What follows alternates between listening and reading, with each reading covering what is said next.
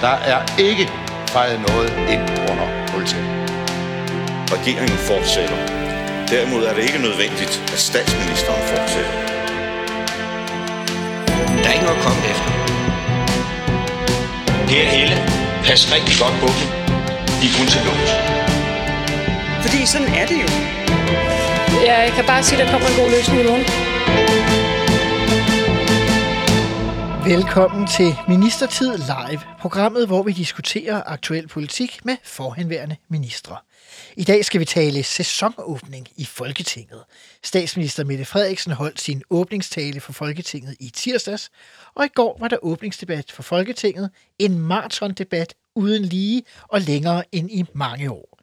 Vi ser nærmere på de vigtigste politiske markeringer, diskussioner og drillerier, og til at diskutere det har jeg et fredags powerpanel bestående af forhenværende børne- og socialminister, folketingsmedlem Maja Mercado. Velkommen til dig.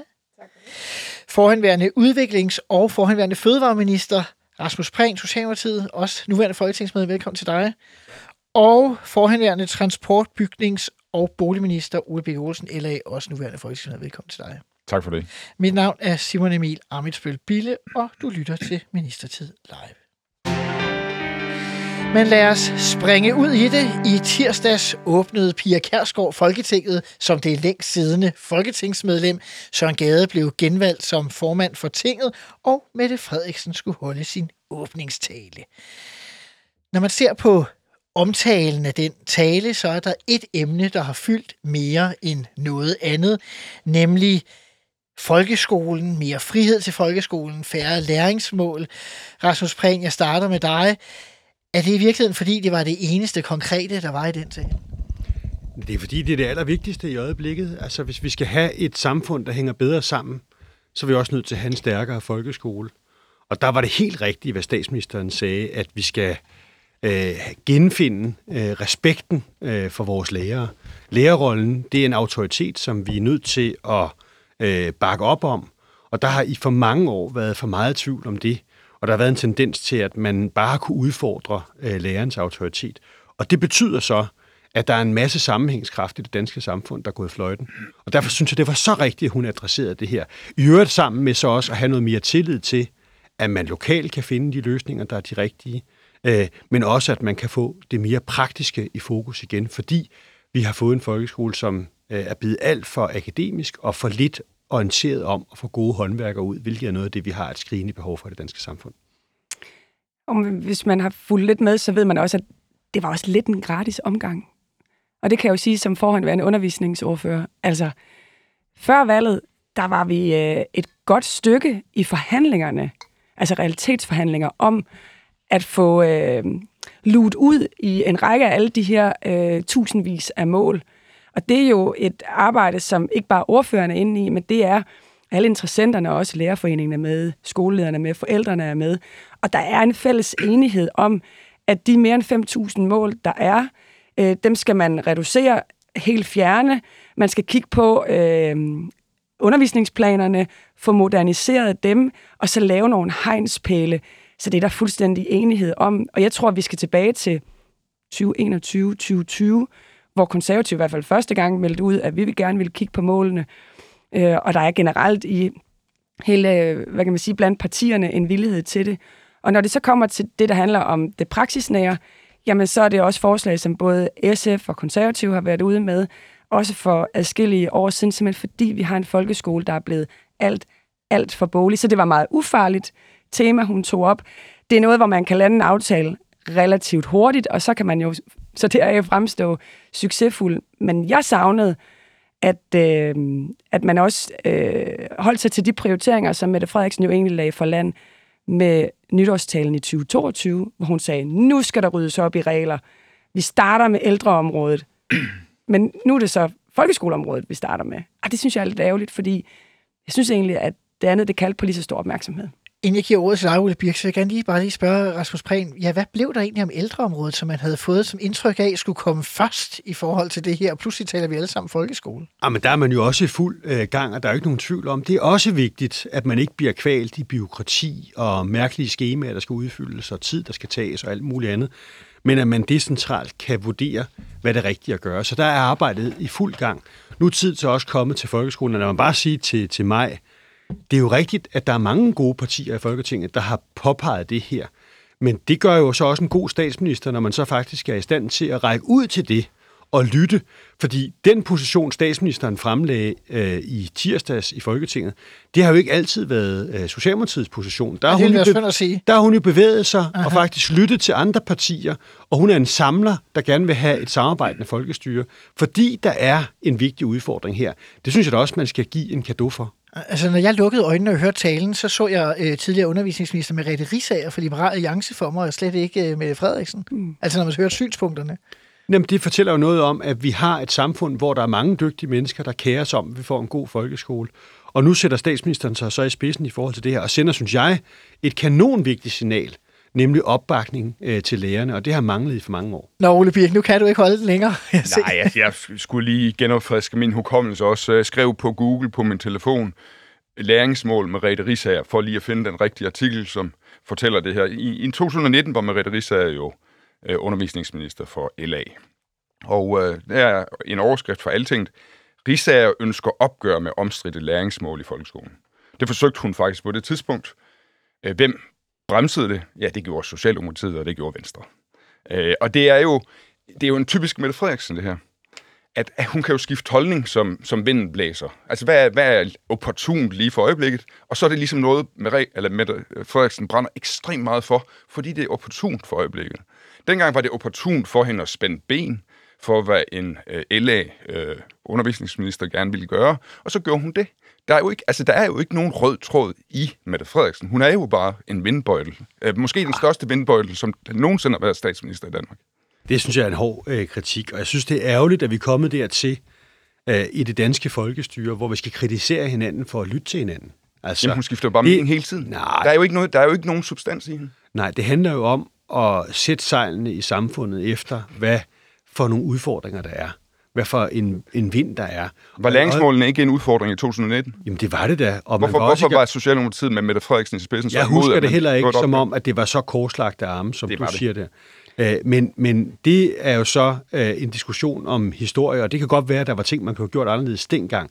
Jeg husker det som om, at man havde en konstruktiv øh, dialog om, hvordan man kunne gøre det mere simpelt. Man nåede så ikke hele vejen i mål. Men det allervigtigste, det er jo, at Mette Frederiksen får sendt et utroligt vigtigt signal. Signalet om, at vi som samfund skal være meget bedre til at bakke vores læger op. Og det synes jeg er noget, vi har haft et skrigende behov for de sidste måske 20-30 år. Og der synes jeg faktisk, det er et nybrud, og hvor hun tør også at vise en ny politik. Men den del virker som, der er enighed om, altså i virkeligheden, hvad siger du til kritikken om, at det virker som om, at øh, der har været en diskussion, og når man så kommer med som den sidste, så stiller man sig op på talerstolen og siger det som det vigtigste. Altså, ej, jeg synes, det handler om, at når man er statsminister, så tager man øh, lederskab af samfundet. Vi har nogle store udfordringer. Det er jo det direkte modsatte. Nej. Det er, no- nogen sætter en dagsorden, og så følger statsministeren efter deres lederskab. Ej, det handler jo om, at man er i stand til at samle, man er i stand til at lytte til, hvad der rører sig i samfundet, og så ligge en politik, der samler det danske samfund. Og der er jo ikke nogen skam i at lytte også til Merete Risager, som ved Gud var en både dygtig og engageret undervisningsminister, som havde øh, rigtig fine perspektiver dengang. Nu tager man så tråden op øh, for det, og prøver at, at gøre noget, øh, som er endnu mere ambitiøst, fordi man ikke nåede i mål dengang. Maja Mercado? Men det kommer meget på bagkanter, og Ole Birk Olesen har jo ret i, at det her er jo af rigtig mange partier i Folketinget blevet adresseret igennem årene, så det er en gratis omgang. Og derfor, jeg, synes jo, når man har chancen på Folketingets åbning og virkelig sætte dagsordenen, så synes jeg, det bliver sådan lidt blodfattigt, at det, man vælger, er, er noget, som er øh, så trygt og sikkert, fordi ingen er uenige i det, og Ole Birk har jo ret i, at at Socialdemokratiet og Mette Frederiksen kommer som den sidste, altså selv undervisningsministerne i form af Pernille rosenkrantz teil og også Tesfaye, har jo også arbejdet sig ind på den bane, at der skal ske noget med målene. Og når jeg kigger ud over den danske folkeskole, selvfølgelig skal der gøres noget ved målene. Det er sagt igennem mange år, blandt andet fordi, at det er med til at bremse øh, den almene dannelse. Altså almen dannelse kommer jo også i, at du kan reflektere og efterrationalisere og perspektivere. Og når du har en undervisning baseret på så, øh, altså, så stramme mål, så bliver det bare svært at få den her almene dannelse ind. Og det er jo noget af det, vi har set. Men jeg synes jo, at hvis man virkelig skulle adressere noget af det, der er en udfordring i øh, folkeskolen pt., så er det jo de lange, lange undervisningsdage. Det er jo det, at så stor en del af en ungdomsårgang mistrives. Mere end halvdelen af pigerne i 9. klasse mistrives. Altså, så er, det jo, så er det jo der, man har muligheden for ligesom at gå ind i de store dagsordner. Og så synes jeg, det bliver en meget lille og en meget snæver dagsorden, en meget sikker dagsorden, at pege på fælles mål og, og pege på praksisfaglighed. Men hvis man lægger noget mere beslutningskraft ud til den enkelte folkeskole, så kan man jo også decentralt, der hvor man kan mærke, hvor skoen trykker, øh, vælge at tilrettelægge øh, også sin tid sådan, så det passer til de behov, der er der. Er der så nogle øh, øh, elever, der mistrives ved, det er nogle meget lange skoledage, så kan man lave nogle kortere skoledage. Der kunne også godt være Men det elever, I jo ikke op til. der kunne også godt være nogle elever, der havde lyst til, til mere undervisning. Men I Og lægger er ikke jo- op til kortere skoledage. Nej. I lægger op til at få kigget på målene. Vi lægger op til, Vi at synes man også decentralt, at man decent, ja, I vil sidde centralt og diktere, at man ikke må have lov at gå mere i skole. Nej, Øh, for og det, det er jo jer, træls, det er jo hvis jer, det er, man faktisk er besluttet- videbegærlig og gerne vil gå mere i skole. Hvis man er sulten efter at lære noget nyt, Rasmus, det er jo så jer, skal der I sidde på Christiansborg og bestemme. undervisningstimetal, der er i Men- dag, som men er på 30, den- 33 og 35 timer om Den ugen. diskussion, der er nu, er jo også, at man måske mere decentralt kan tage nogle beslutninger om, hvordan man skruer tingene øh, sammen. Men det får Der været- bare ikke. Nej, men det er jo det, vi skal så til at diskutere nu. Øh, og der er jo en bred øh, debat om det her. Københavns Kommune har jo lavet et spændende initiativ, hvor man har sagt i forhold til teenagebørn, de skal have lov at møde lidt øh, senere i, i skole. Super spændende, for vi ved, at øh, teenager de har brug for at sove lidt mere i hvert fald, øh, og ikke er helt så friske i hovedet så tidligt. Så er der en frihed til det. Men det har Men altså man- Spider sagt nej til. Men, men hvis det er sådan, at, øh, at man så øh, får friheden til, at man kan skrue Har sådan man har du ikke ret i det? Altså, Mathias Tesfaye har nærmest været ude og håne det forslag sådan i offentligheden. Det ved jeg ikke, om han har været ude direkte og, og håne det. Men altså sagen er den, at der lægges op til noget mere øh, frihed. Så det her det er jo en af de ting, man kunne tage op, hvis det var det, man ville. Så er der nogen, der har den ene holdning, og nogen, der har den anden holdning. Men det gode er, man kan tilrettelægge det ude decentralt, som man synes, der er det rigtige. Ole Birk, du sidder, eller står og ser ud som, du er... Nej, men det er jo... Øh, lad mig, det er godt, at Mette Frederiksen, hun tager folkeskolen op i den tale. Det synes jeg. Øh, der er nogle, vores folkeskole halter. Jeg synes, der er en tendens til, at man skyder for meget på forældrene, at de er for krævende over for skolen. Det er de også, nogle af dem. Men de fleste forældre er ikke, men nogen er. Jeg synes egentlig, at skolen er for krævende over for forældrene. Og det synes jeg, man skulle tale lidt mere alvorligt om. Hvordan? Jamen, der, der er hele det der Aula-perspektiv, øh, hvor, men det, det handler, om, det handler om, at skolen har opsat et system, som ansporer forældre til at prøve at konkurrere med hinanden om, hvem der kan syne som de mest omsorgsfulde forældre, og det er, no- det er noget frygteligt noget. Det, det bør skolen lave om på. Men også, altså dengang vi gik i skole, der var det jo vores opgave, i hvert fald hjemme hos mig, at sørge for at øh, holde øje med, hvilke lektier jeg havde for at, la- at lave dem. Og hvis jeg ikke havde lavet mine lektier øh, tre gange i samme øh, klasse øh, i løbet af en måned, så fik jeg en eftersidning. Øh, så det, så skulle jeg så forklare min far, at jeg havde fået en eftersidning, fordi jeg ikke havde lavet lektier. Og det, og det var ikke så rart. Øh, I dag, øh, der, er det, der udliciterer man til forældrene, at de skal gå ind på Aula eller de andre systemer og holde øje med, hvad deres børn har for, og så hver dag sidde og snakke med deres børn om deres lektier osv. Og der er også øh, lærere, som sender kollektive beskeder ud til forældrekredsen om, at nu har klassen ikke opført sig godt i vores øh, historietime her forleden, Øh, så nu må forældrene tage et ansvar for at få klassen til at opføre sig godt i historieundervisningen. Forældrene, de ved jo, at de der børn, de kan godt finde ud af at opføre sig ordentligt, når de har dansk med en anden lærer, og matematik med en tredje lærer. Og de kan også finde ud af at opføre sig ordentligt, når de er til fodbold, og de er til spejder osv. Men skolen hævder ligesom, det er forældrenes ansvar, at historielæreren ikke kan skabe autoritet i klasselokalet, og at forældrene skal løse det problem for historielæreren. Er I enige med Ole Birk i, at der bliver stillet for mange krav til forældrene? Nej.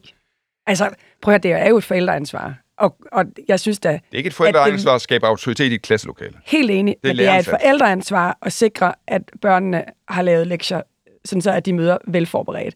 Det er forældrenes ansvar at sikre, at de er udvilet. Øh, Det er deres ansvar at sikre, at øh, de har en sund madpakke med. Alt det her, det kan man og skal man ikke lægge over på skolen.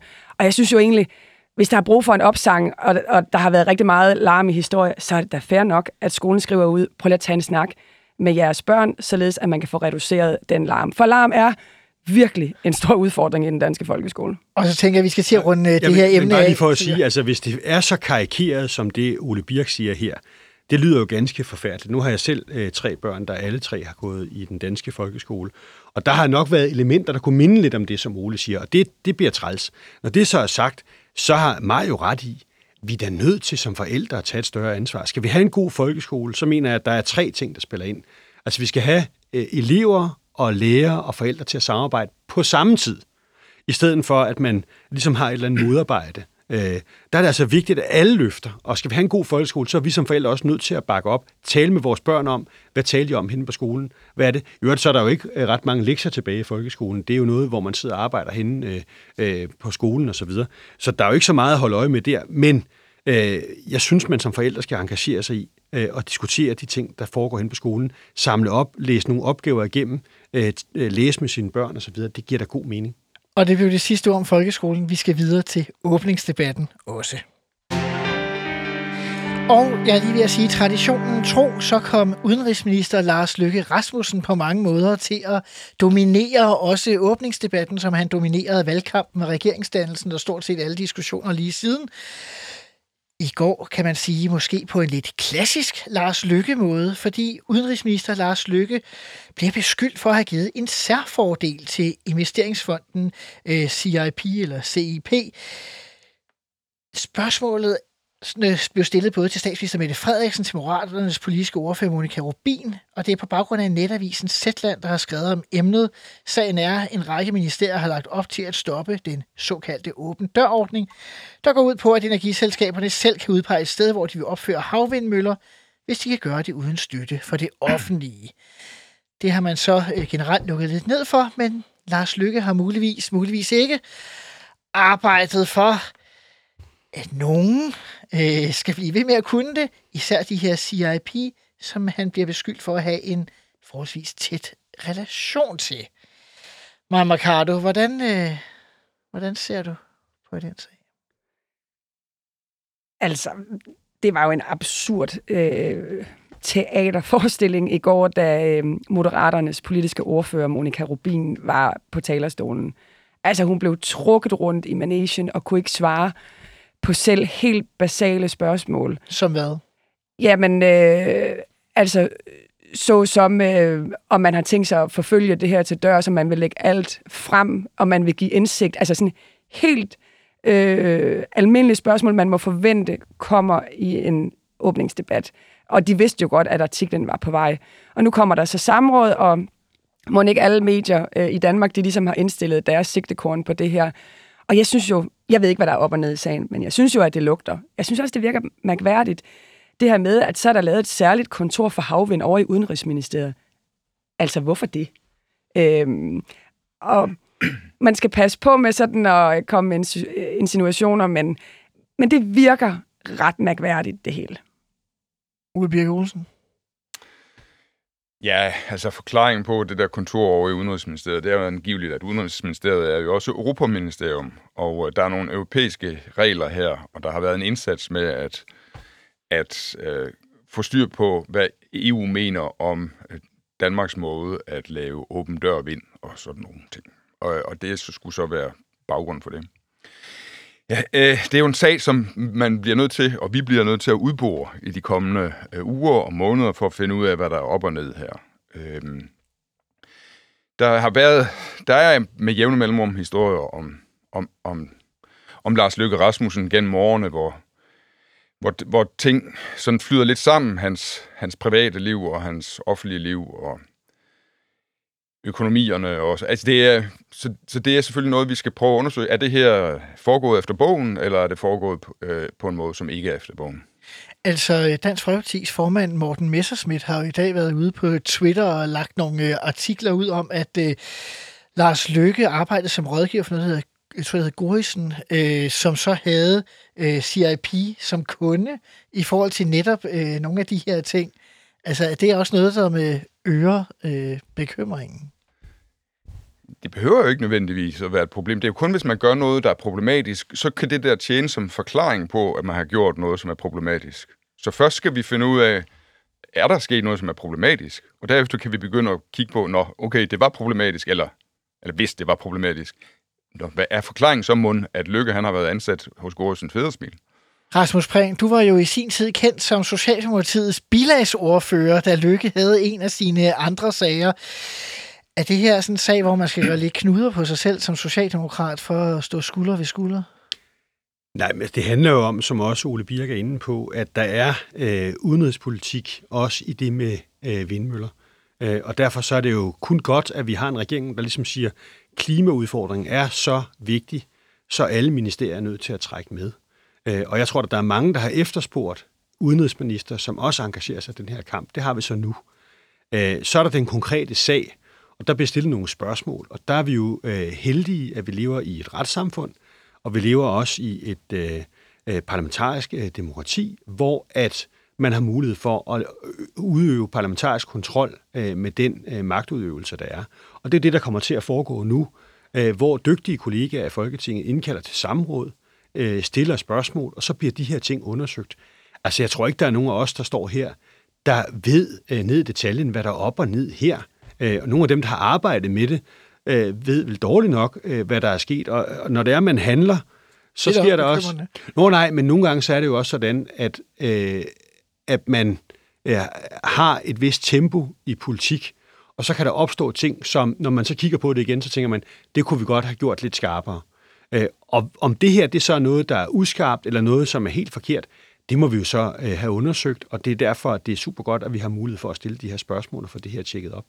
Men er det ikke overraskende, at man i går, øh, Mette Frederiksen bliver spurgt, øh, det Monika Rubin bliver spurgt, som Maja Mercado sagde før, at man ikke kan give nogle tydeligere, klare og hurtigere svar i sådan en sag, så den ikke skal skygge for regeringens arbejde de næste 2, 3, 4, 8 måneder? Men det havde da været ønskeligt, at man kunne det. Og jeg tror, at alle, der kunne forberede, øh, eller skrue tiden tilbage og sige, kan vi have forberedt os bedre på det her, de ville det måske gerne have haft nogle klare svar øh, på de her ting.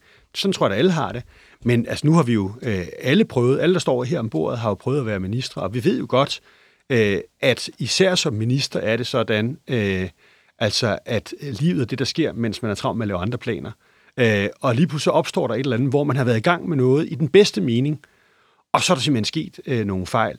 Det kan man så, hvis man så er meget konspiratorisk, oppositionspolitiker eller øh, journalist, så kan man få det til at se enormt øh, gedult øh, ud. Øh, og nogle gange, så er der begået fejl, og andre gange, så er det noget, der ser øh, værre ud, end det egentlig er. Lad os nu få kigget på det stille og roligt. Jeg er sikker på, at det, man har været optaget af her, det er at sikre øh, så meget grøn energi som muligt, og det har vi virkelig brug for. Ricardo? Man får næsten indtrykket af, at du taler øh, af egen erfaring, øh, Rasmus. Øh, det gør det jeg også. sidste, ja, ja. du lige øh, sagde. Øhm, altså, jeg synes, den her sag, den er, øh, den er spejet. Øh, og det er jo rigtigt nok, at øh, Folketinget har jo en række kontrolinstrumenter, men man må også bare sige, at, at der er jo et, øh, et flertal. Det er en flertalsregering. Så jeg synes jo, det vil være rigtig godt, hvis Socialdemokratiet i dag vil sige, at hvis der er blevet begået fejl, så skal man også som minister stilles til ansvar. Øh, også, altså, på, på en måde, Men det er jo den måde, hele vores system er bygget op på. Det Men er det ikke en rigtig pointe, Maja Mercado har, at I er en flertalsregering, altså, så det er utrolig svært at bruge de almindelige parlamentariske... Lige præcis, fordi Rasmus Prehn og Company kan jo bare, de kan jo endda afvise nærmest at lave en, en næse. Øh, de kan beskytte en hver minister i den regering, som man reelt ikke kan få stillet vedkommende, som måtte gøre, uanset hvad det måtte være, få stillet vedkommende til ansvar. Og så synes jeg bare, der er nogen oplevelser, som simpelthen rodfæster sig som sådan lidt skøre, og det jeg har hørt Rasmus Brens meget varme forsvar for Lars Lykke, altså Socialdemokraten, over for Moderat. Altså det, det, det, det kommer til at bare være sådan en, en der kommer til at stå øh, sådan for eftertiden over, hvor skørt det er, at nogen, som virkelig har været affjender igennem et helt politisk liv, nu står og skal forsvare hinanden. Men, kommer... jo, men vi har da stadigvæk nogle mekanismer, hvor at hvis du, Maja Mercado, vil stille nogle spørgsmål, så er man pligtet at svare på det. Øh, og der er der meget øh, kontrol i det. Nej, man kan da bare af, man kan sige, at det vil man ikke svare på, jo. Nej, men der skal jo svares øh, på spørgsmål. Det bliver der jo også, og folk stiller jo op til øh, samråd og svarer på de spørgsmål. Altså, vi har jo et meget øh, transparent system øh, i Danmark. Og så kan man sige, okay, er der så ikke flertal for en næse, så er der ikke flertal for en næse, men alle, der har, kender til øh, politisk historie i Danmark, ved jo også, at altså, de der næser, ja, så, så øh, øh, bliver man hængt lidt ud i præsten for det. Øh, men det er jo ikke noget, der gør øh, den store øh, forskel. Uffe Ellemann gjorde en helt dyd ud af dem og sagde, at han havde en helt øh, ammerhylde, eller hvad meget det var, hvor han samlede de her øh, næser. Øh, så jeg tror, altså, lad os nu lade være med at gøre det til det vigtigste. Det vigtigste er, at sandheden kommer frem, Og så er det op til parlamentet at tage stilling til, hvad skal det have konsekvenser? Og i sidste ende er det så vælgerne, der kan beslutte sig for, har vi tillid eller har vi ikke tillid? Okay. Og vælgerne har så ikke tillid til den her regering, ser vi ud af målingerne, men det er nok ikke kun på grund af den her sag. Hvad Men folkestyret risikerer jo også at blive sådan en gummidemokrati. Med, med de flotte paroler om, at så kan man stille nogle spørgsmål, man kan indkalde i samråd, men man kan jo bare lade være med at svare. Og I har jo magten til at beskytte en minister. Og derfor, altså, jeg kunne godt tænke mig, at man tog folkestyret så meget alvorligt, at man også var parat til rent faktisk øh, at lave sanktioner, hvis det, eller i hvert fald at, at gå lige ud og få undersøgt det, hvis det ser ud, som om der er noget at komme efter. Øh, det kunne eksempelvis være i form af at oprette en grænsningskommission. Men indtil videre på de sager, der har været, hvor der virkelig ligger noget gedult, der har man jo ikke ønsket at oprette grænsningskommissioner. Så jeg synes i hvert fald, der har man set en, en regering indtil nu, som jo ligesom har, øh, har afvist øh, at lade sig undersøge. Men, men jeg håber da på, at de flotte ord, de kommer til at stå til trone. Jeg synes bare ikke, jeg har den sådan bedste erfaring med det. Nu bliver der i første omgang øh, afholdt samråd, hvor at øh, alle dem, øh, der øh, har lyst til det i Folketinget, kan komme og stille de her spørgsmål. Øh, både, de kan følge op med skriftlige spørgsmål og andet. Og så kan vi så se, øh, hvad ligger der i det her, der er brug øh, for mere. Det her med, at man lidt som en automatreaktion, hver gang der er det mindste, så vil have grænsningskommissioner og andet. Det har vi jo set eksempler på før. Og så er der nogen, der går i gang med at grænske og grave og undersøge. Lige indtil der så har været et valg, så nedlægger man igen, og så har man haft øh, 35 øh, øh, oldermænd siddende og fordybe sig i et eller andet, uden det bliver til, til det helt store. Altså, vi taler om i øvrigt i samfund, at vi skal afbiokratisere. Vi skal have øh, færre djøffer, der sidder og bruger øh, tid og krudt på noget, der ikke er varme hænder. Så er det jo ikke bare, fordi der så har været en historie øh, i Sætland, at så skal man have en grænsningskommission. Lad os nu få afholdt øh, det her samråd. Øh, lad os høre, hvad der er op og ned. Lad os stille nogle opfølgende spørgsmål. Og så kan man tage stilling derfra, inden at man bare øh, kører sådan en gunslinger-tilgang øh, til, øh, at man bare skal have grænsningskommissioner. Det, det sidste, jeg måske godt kunne tænke mig i forhold til den her sag, altså skyldes det også, øh, kan man sige, erfaringen med lykke? Altså jeg tænker, hvis den her sag, det var en øh, anden minister i SVM-regeringen, ville man så tænke, den var nær så stor? Eller er det fordi, vi alle sammen jo på et eller andet tidspunkt har tænkt, nå ja, okay, der var noget med nogle øh, bilag, der var noget med nogle underbukser, der var noget med nogle rejser, der var noget med noget fjerde, noget femte og noget ottende. Så er lykkes sådan, track record i virkeligheden med til at gøre sager større ved indgangen, end de er? Og tør jeg svare på det? Men det er da meget pressen, der har det på den måde, tænker jeg. Og det, der er, det, der er ved det, det er jo også... At du var selv at... bilagsordfører, så det er vel ikke kun pressen?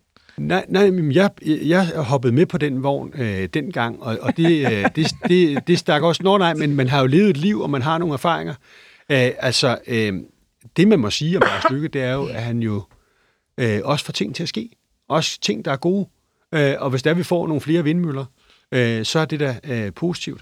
Men derfor skal man jo ikke øh, forfordele nogen. Øh, og derfor så er det så super godt, at vi har et parlamentarisk system, hvor at øh, mig og Ole Birk, de kan stille de spørgsmål, de vil, og få undersøgt, om der er noget, der er gået forkert for sig. Jamen, det er også, fordi Lykke har den track record. Øh, men jeg synes, at det Rasmus siger om processen er sådan set rigtigt. Altså, vi skal jo ikke starte med at nedsætte en grænsningskommission. Nu skal der, bliver der indkaldt til samråd, øh, og så det første, der sker, det er, at der bliver stillet nogle kritiske spørgsmål, og så noterer man, om Lykke er i stand til at svare fornuftigt på de spørgsmål, eller om han svarer udenom, eller om han ja. svarer på en måde, hvor man tænker, okay, der er der virkelig uler i mosen her. Og når man så har haft den chance, så er det jo, man skal til at vurdere, okay, kræver det her noget mere? Men du sagde for eksempel selv øh, før, Ole Birke, at det var egentlig okay, der var de der kontor, det gav meget godt mening i forhold til, at han Måske. også ja, det skal vi jo undersøge. Vi skal, ja. Din, din øh, egen partiformand, Alex Vanderslag, han øh, spurgte i nat statsministeren på en måde, der antyder, at det var meget mærkeligt, at øh, Lykke ligesom var formand for et udvalg og et eller andet, der handlede om det her, fordi, og det er nu udenrigsministerens ressort, tror jeg, han sagde ordet. Jamen, det er jo en, øh, altså, det er en meget det er en stor og kompliceret sag, tror jeg, især her i begyndelsen, og derfor så er der en masse spørgsmål.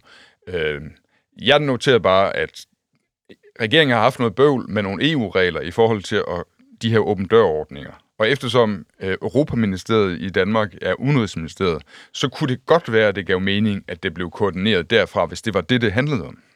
Mama Carlo, så vil vi nok ved at være i afslutningen af den her runde. Ja, hvis det var det, det handlede om. Og det er jo så det, der bliver spændende at få undersøgt. Ja. Jeg, jeg synes bare, at man tager for let på folkestyret, Rasmus, hvis det er, at man allerede øh, sådan puster det op til at være gunslinger-retorik. Det, jeg bare har et ønske om, det er, at hvis de samråd viser sig, at der kan være noget at komme efter, så skal Folketinget også have mulighed for at undersøge det. Det bliver det sidste ord i den her sag. Vi skal nemlig videre til narko.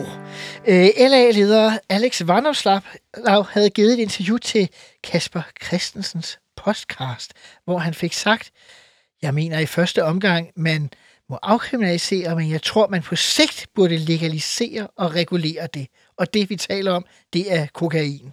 Og han tilføjer, du går ned på et apotek, eller hvad ved jeg, og siger, det her, det er 100% rent. Altså, Ole Birke Olesen, øh, kom den der podcast ikke til at skygge lidt for jeres øh, performance? Den fyldte i hvert fald noget, da Alex var på talerstolen, øh, og også i medierne. Øh, men altså... Og egentlig holdt en tale om noget helt andet. Ja, ja. Og med det, altså, det, han har siddet, Alex, i en podcast hos Kasper Christensen, og det har sikkert været hyggeligt.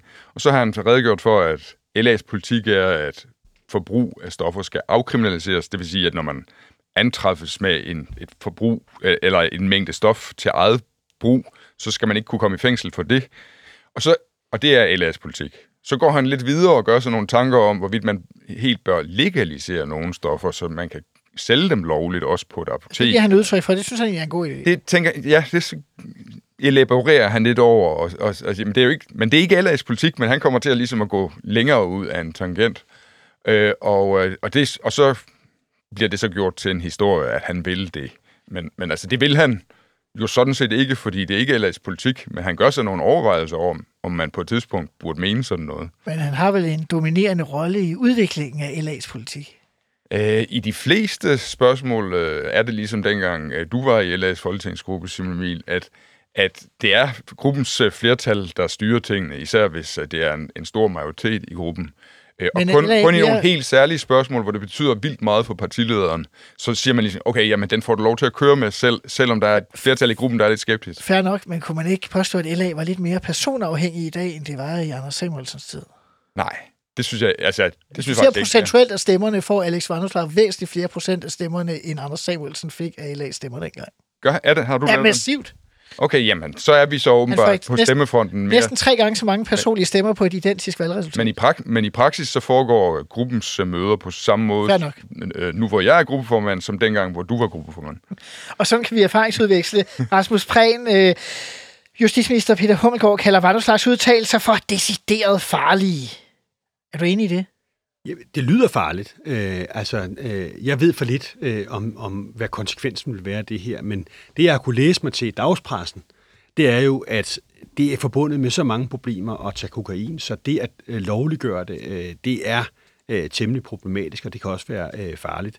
Men jeg vil sige så meget, at jeg synes, at der kan være noget rimeligt i, når man er et øh, liberalt parti, øh, som Alex Vandomslags øh, repræsenterer, at man så kan sende en prøveballon op, og så kan man jo diskutere det her. Jeg tror, der er så mange ulemper ved det, så vi ikke skal derhen. Det, det tror jeg, det ender med. Men, men øh, i et samfund må der være plads til, at man kan øh, øh, sende en prøveballon op og få diskuteret, hvad er fordele og ulemper ved det her.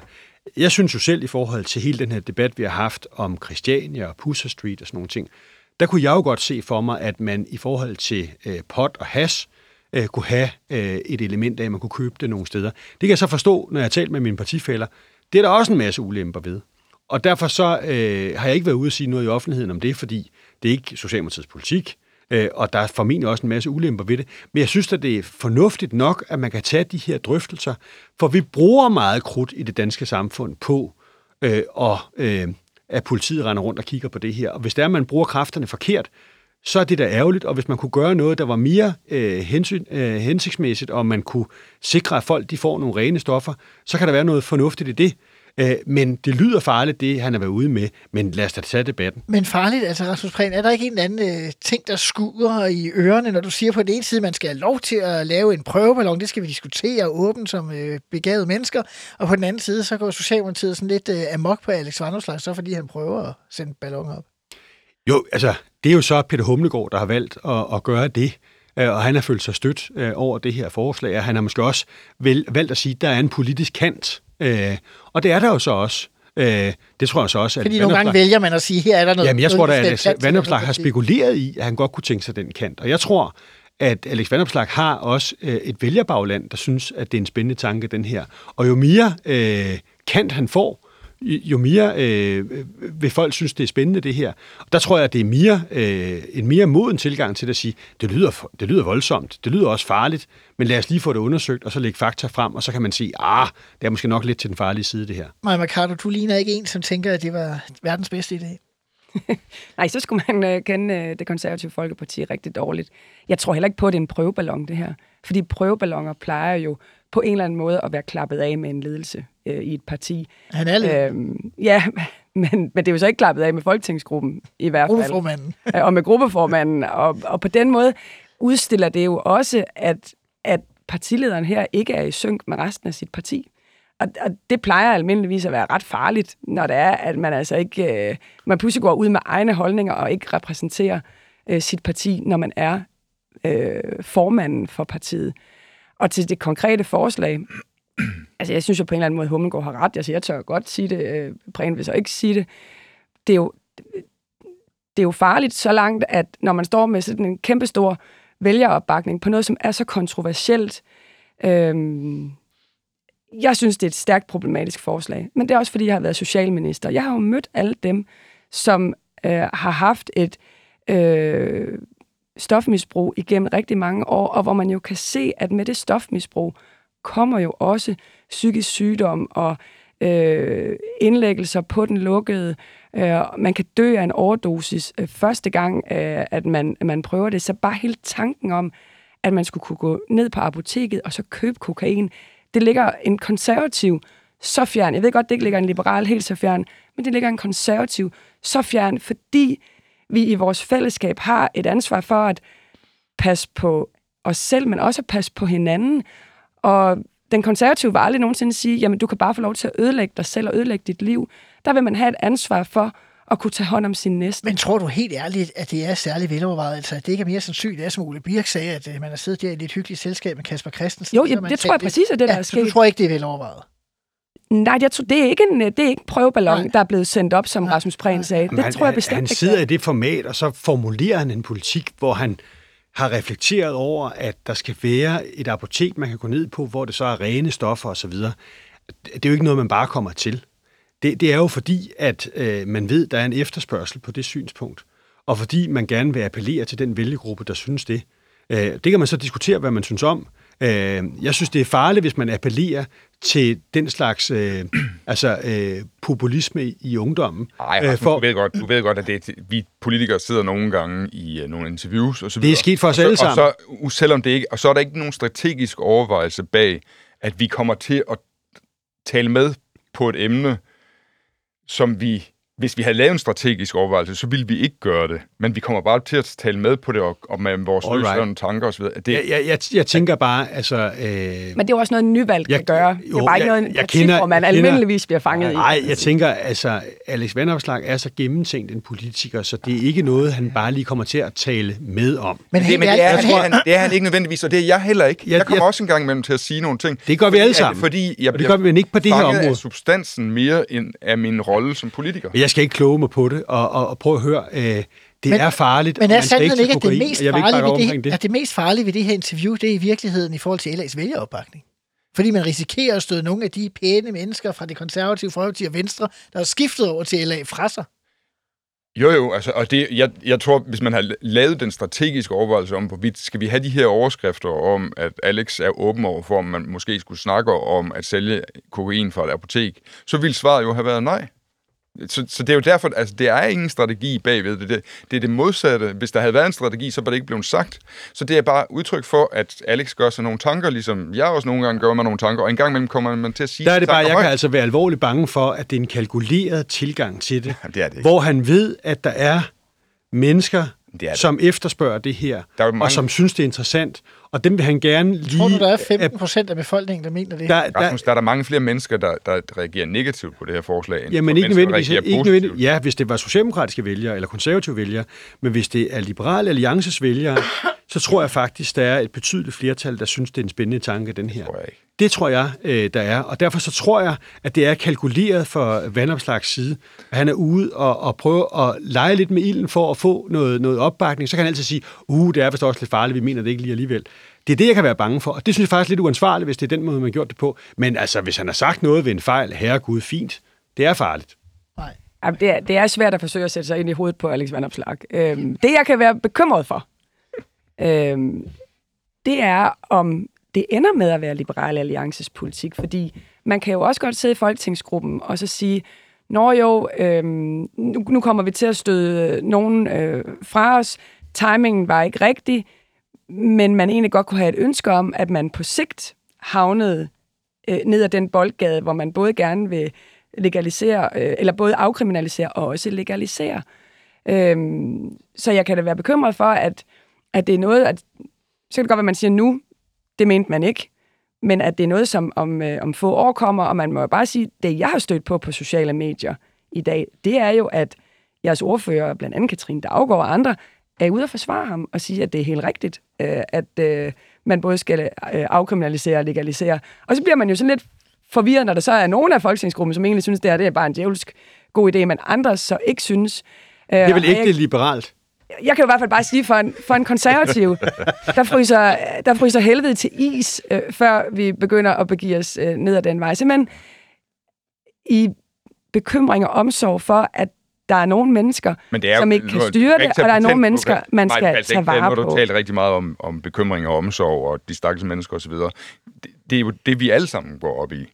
Og, og tankerne bag det her forslag er, at dem, der nu engang er misbrugere, de ville måske få et bedre liv, hvis de kunne købe nogle øh, rene varer på et apotek, frem for at de køber det hos rockerbanderne. Fordi det, kvaliteten af det, de får, øh, er ringe, og de, der kan være alt muligt øh, endnu mere giftigt i end selve stoffet. Øh, og, og så det er jo også fra Alex side udtryk for, at han er, er, yder omsorg for de mennesker, der er misbrugere. Og det er jo et synspunkt, der er derude, skal man lige huske på. Øh, at vi havde jo en ret fremtrædende øh, politiker på et tidspunkt i Socialdemokratiet, der skrev en bog, Exodus, øh, hvor det jo var et synspunkt, der blev slået til lyd for. I hvert fald den der udgave med folk, der allerede Hvem er. var det, der skrev den på? Det er, folk kan slå det op. Nå, okay. men, øh, men altså, der, er, der bliver slået til lyd for det synspunkt, som øh, Ole Birk siger her. Hvis man er misbruger, skulle der så ikke være et sted, hvor man kan få rene varer? Og det kan man jo godt argumentere for. Øh, der er sikkert alle mulige ulemper ved det og alt muligt andet. Jeg siger bare, det er en debat, der er derude, og der er et meget publikum til det her. øh, Prægen, er han ikke det? Jamen altså, Socialdemokratiets venstrefløj. eller lyttefløj. Liberale. Noget af det, Alex også sagde i den podcast, og, og nu citerer jeg. Hvis du er en voksen mand, du har styr på dit liv, og tre gange om året til en eller anden fest gerne vil tage noget kokain, det mener jeg burde være lovligt. Det synes jeg jo er et helt vildt citat. Fordi at kokain har så store altså skadesmæssige følger. Fordi det er så sindssygt farligt et stof, og fordi det kan være en glidebane til en afhængighed, som kan være rigtig svær at behandle. Og jeg kender om ikke nogen misbrugskonsulenter, som synes, at afkriminalisering og legalisering er vejen at gå. Og jeg synes, man skal gå den anden vej rundt, hvor det er, at man gør alt, hvad man kan for at stikke banderne. Det er jo også det, vi sidder og forhandler netop nu over hos selv samme Hummelgård. Øh, sikre, at der bliver slået hårdt ned, og sikre, at man altså ikke, øh, at man ikke bare havner der, hvor at, at alt bare bliver gangbart. Altså, så kan man også bare tage alt øh, i den her verden. Jeg synes virkelig, at de stoffer, som er så farlige, de skal selvfølgelig blive ved med at være ulovlige. Jeg tror, det bliver det sidste ord i sagen om kokain. Vi skal nemlig videre til en anden diskussion, som er mellem partier, der slet ikke er til stede her, som egentlig var mellem Venstre og Danmarksdemokraterne i åbningsdebatten. Regeringen skal jo finde ud af, hvordan man vil regulere landbrugets øh, CO2-udslip med mere. Der sidder i øjeblikket et udvalg med tidligere overvismand Michael Svare, der skal komme med forslag til løsninger. Noget af det, man diskuterer er, skal man sætte afgifter i produktionsledet eller ude ved forbrugerne. Det martrer det gamle landbrugsparti Venstre, og Inger Støjberg, hun valgte i går flere gange at sætte kniven ind, hvor det gør allermest ondt, og ligesom lægge det op til, at man skulle vælge mellem Jakob Ellemann på den ene side, og det danske landbrug på den anden side. Jeg skal ikke lægge skjul på, at jeg er særlig skuffet over Venstre i denne her sag, sagde Inger Støjberg ordret i Folketinget, samtidig med at hun udnævnte Venstre Europaparlamentariker Asger Christensen som sin bedste ven, og han er også landbrugets bedste ven, vil han i hvert fald gerne være op til valget den 9. juni næste år. Man skal vel være både blind og døv for ikke at kunne se, hvad øh, Inger Støjberg har gang i, Ole Birk Olsen. Ja, det øh, skal man være blind og døv for at ikke kunne se det. Øh, altså, det er også en bemærkelsesværdig historie om Venstre, vi, har, vi ser udfolde sig, fordi mm. dengang jeg var ung øh, og blev inspireret af politik og af de daværende venstreledelser. Og var medlem af VU. Og var medlem af VU. Øh, der var Venstres rejse var jo mod at gå fra ikke kun at være et parti for folk ude på landet, men også at være et parti for folk inde i byerne. Man talte om, at man var begyndt at blive ikke kun et højskolevenstre, men også et handelshøjskolevenstre, og Claus her, han var smart og rig og, og byagtig og moderne. Og, og, og, og det, var vi, det var jeg en del af den der øh, bølge af... Jeg kom jo selv fra landet, men jeg flyttede dog til byen.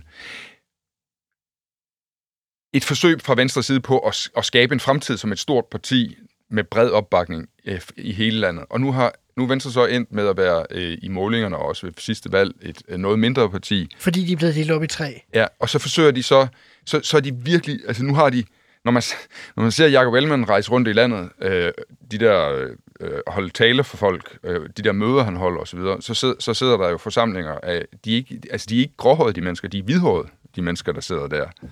Øh, og det er det, det er det venstre, som er tilbage, det er det, venstre, altså det gamle, også aldersmæssigt gamle venstre, ude på landet. Og, og hele det der bysegment, som man håbede på at fange med Uffe Ellemanns uh, tid og Anders Fogh og så videre, det, det, det synes at være afskældet. Nu har man kun landvenstre tilbage, og det er det, som Inger Støjberg så går til angreb på. Altså også at fratage Venstre det. Så de har politikken fra byvenstre og medlemmerne fra landvenstre? Jamen, de har, jeg ved ikke, hvad de har for en politik længere, men de har, de har landvenstre tilbage, og, og selv det kan de ikke få lov til at have for sig selv, for det forsøger Inger Støjberg at tage fra dem. Maja Carl. Ja, og egentlig har Venstre jo også været uenig med sig selv undervejs. Altså, der har jo virkelig været mange venstrefolk, der har, været, der har følt sig kaldet til at gå ud i den her debat og give deres besøg med om, hvor den afgift skulle lægges. Altså, skulle den lægges i køledisken, eller skulle den lægges på produktionen? Og de har jo ment noget forskelligt øh, hele tiden. Og, og det gjorde jo så, at det kørte langt ud. Altså, når selv europaparlamentarikere, som Morten Lykkegaard også har været ude øh, og markere sig, når de begynder at føle sig kaldet til at, at gå ind i sådan en debat, så er det jo fordi, der mangler styring. Øh, og der mangler at blive sat en klar retning. Øhm, og jeg noterede mig, at Avisen Danmark havde spurgt, efter øh, åbningstalen her i tirsdags, havde spurgt Ellemann, øhm, hvorfor at det havde varet så længe, inden at han havde sat det på plads. Og der får han sagt sådan et eller andet, jeg kan ikke huske det præcise citat, men et eller andet med, at nogle gange, så skal bålet have lov til at flamme op, eller så skal man slukke det. Øh, og her havde han simpelthen øh, truffet den forkerte beslutning, for det havde flammet i for lang tid, og han skulle have slukket det tidligere. Det tror jeg er rigtigt. Altså, fordi den fik jo lov til at virkelig bare køre ud med alle mulige, der gik ud og modsag hinanden, også internt i Folketingsgruppen. Altså, Liddell, deres klimaordfører, i direkte øh, øh modsætning til Erling Bonnesen, deres fødevareordfører, hvor de står sådan åbent og diskuterer og ikke kan blive enige med hinanden. Og derfor var det jo opportunt af Inger Støjberg at gå hen og lige præcis sætte fokus på det i debatten i går. Rasmus Prehn, hvis det havde været indtil for et år siden, så havde du jo bare siddet øh, og hygget dig øh, over den her debat. Men nu er du jo i et parti, som er øh, i regering med Venstre. Du er også tidligere fødevareminister. Mm. Altså, kan I gøre noget for at hjælpe dem? Jamen, jeg havde jo den her debat helt inde på livet, da jeg var fødevareminister, og der var øh, begge synspunkter af Venstre jo repræsenteret. Ikke? Altså, der var jo også en Tommy Ahlers, der ikke kunne øh, få regulering af landbruget nok, og så var der en Erling Bonnesen, som er mere landbrugsvenstre. Og jeg tror, at Venstre har øh, det forhold, de har til landbrug og CO2, det er jo det forhold, Liberal Alliance har til kokain. Ikke? Øh, så der er altså øh, det her det gamle, det, det, det her øh, gamle slogan om, at der er højt til loftet, langt til døren. Øh, at der er faktisk er plads til debat, og der er jo en, en undersøgelse i gang i øjeblikket, hvor man øh, finder ud af, hvordan skal det her være. Ja, det er det, jeg henviste til. Lige præcis. Og i den sammenhæng kan det jo være udmærket, at der så er politikere, der siger, jeg tror nu altså, det er bedst med sådan og sådan og sådan. Og der er det jo ikke mærkeligt, hvis man er en politiker som Erling Bonnesen, øh, altså tidligere øh, borgmester øh, i Broby, øh, i, i, i Broby på Fyn, øh, som jo har mange øh, landbrugsvælgere, øh, jamen, så vil det jo være hans synspunkt, at man ikke skal have den her afgift. Hvorimod øh, Linnea øh, Søgaard Liddell, som øh, har et mere københavner-segment, hun vil så appellere noget andet. På et tidspunkt skal man så finde en linje, øh, men det er da svært, fordi hvem skal betale? Det vigtige er, at vi kommer i hus med, at vi får en afgift, den bliver på landbruget, øh, tror jeg, øh, og det kommer til at være rigtig godt for vores øh, klima. Og der er det også sådan, at Landbrug og Fødevare, som jo er den store, stærke organisation, de skal også vide at være med og være realpolitikere. Så vil der være noget bæredygtigt landbrug og nogle andre, som vil stå og stride og lave noget modstand, og dem kan Inger Støjberg så appellere til, og måske også Asger Christensen. Men vi kom faktisk fra Inger Støjberg. Hende er der ingen af jer, der rigtig taler om. Jo, altså, hun, øh, hun kører bare friløb, fordi hun øh, siger, at det med alt med klimaet og miljøet, det er hun faktisk ligeglad med. Hun Men det, nogle det virker jo lidt som om, at hun sidder lidt tilbagelænet, og så kigger hun, hvor er der nogle ledige stemmer. Ej, og så går det er hun ud, ej, det er og så går, så går hun ud og markerer sig her og siger, Det er du simpelthen uenig i. Øh, Undskyld, Rasmus, det er jeg nødt til at høre. Det er du simpelthen uenig i. Ja, fordi hvis man kender til Inger Støjberg, det hun er formet af og kommer fra, og hendes politiske overbevisning, jamen, så det, ligger den da lige til højre benet, den her. Altså, så kan hun da ikke gå forrest øh, og, kræve, i, og kræve en CO2-afgift. Ja, det forstår jeg godt, men Øh, er hun, hun ikke har simpelthen- hun er simpelthen for- Er det ikke det, der er pointen? Men hun er, jo, hun er jo formet af det gamle landbrugsvenstre. Det tror jeg altså ikke, man kan beskylde Jacob Ellemann for at Men er være. hun ikke formet af alt det, det konservative Folkeparti har bekæmpet på klimaområdet? Jeg ved ikke, om vi har bekæmpet... I har da været det øh, grønne parti i. Ja, men, men vi har da, altså, vi har jo bare fremlagt vores egen politik, og vi har hele vejen igennem sagt, at vi synes, det er en god idé med en CO2-afgift. Øh, men det er rigtigt nok, altså holdningsmæssigt, så står Danmarksdemokraterne og konservative står altså relativt langt fra hinanden. Det tror jeg ikke er nogen øh, hemmelighed. Men jeg, jeg, jeg oplever egentlig, Inger være tro mod sin egen politik. Jeg oplever ikke, at så bliver det opportun for hende lige at mene noget. Det her, det tror jeg, hun har ment hele vejen igennem. Vi er ved at være i de aller sidste minutter af det her program. Jeg synes, det har været nogle spændende og til tider også lidt ophedede diskussioner, og det er bare dejligt. Øhm, Ole Birk, jeg er nødt til at drille dig til sidst. Øh, du har simpelthen gjort oprør mod slikuddelinger i åbningsdebatter. Nej, altså jeg har bare øh, konstateret, at, at når jeg ser de der, hvor, hvor der er en i, i nogle af partigrupperne, som har taget på sig at blande nogle poser slik i, Støjberg og Appelgaard for i, øh, i, i poser, poser med, med, med, med pangfarver og så videre, og så dele ud dernede, så, så minder det mig ikke om øh, den øh, seriøsitet, som en parlamentarisk debat om Danmarks fremtid skal have. Det minder mere om, at øh, der er fem par, der holder grillaften sammen, og så er der en af forældrene i parerne, der har påtaget sig at købe slik til alle børnene, sådan at de kan sendes ind og øh, se Disney-show øh, en fredag, mens de voksne de griller og drikker Sinfandel fra pap.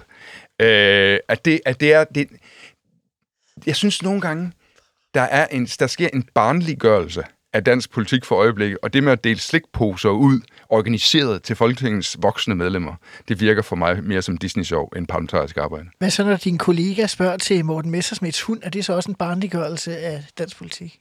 Ja, altså der er ingen tvivl om, at øh, der er politikere, som prøver at få øh, positiv opmærksomhed på at tage deres hund med i forskellige sammenhænge, fordi der er jo andre derude, der godt kan lide hunden, og så kan de måske også godt lide den politiker, der har en hund med, og det synes jeg heller ikke hører sig til i Folketinget, ligesom det heller ikke hører sig til, at man tager sin baby med ind i Folketingssalen. Men når man spørger om det, så hører det så heller ikke til Øh, i Folketingssalen. at hvad? Om det med hunden. Du så ikke hundespørgsmålet fra Nej. din LA-kollega i går. Nå, øh, Nå, nå, ja, okay, ja. Bop, bop.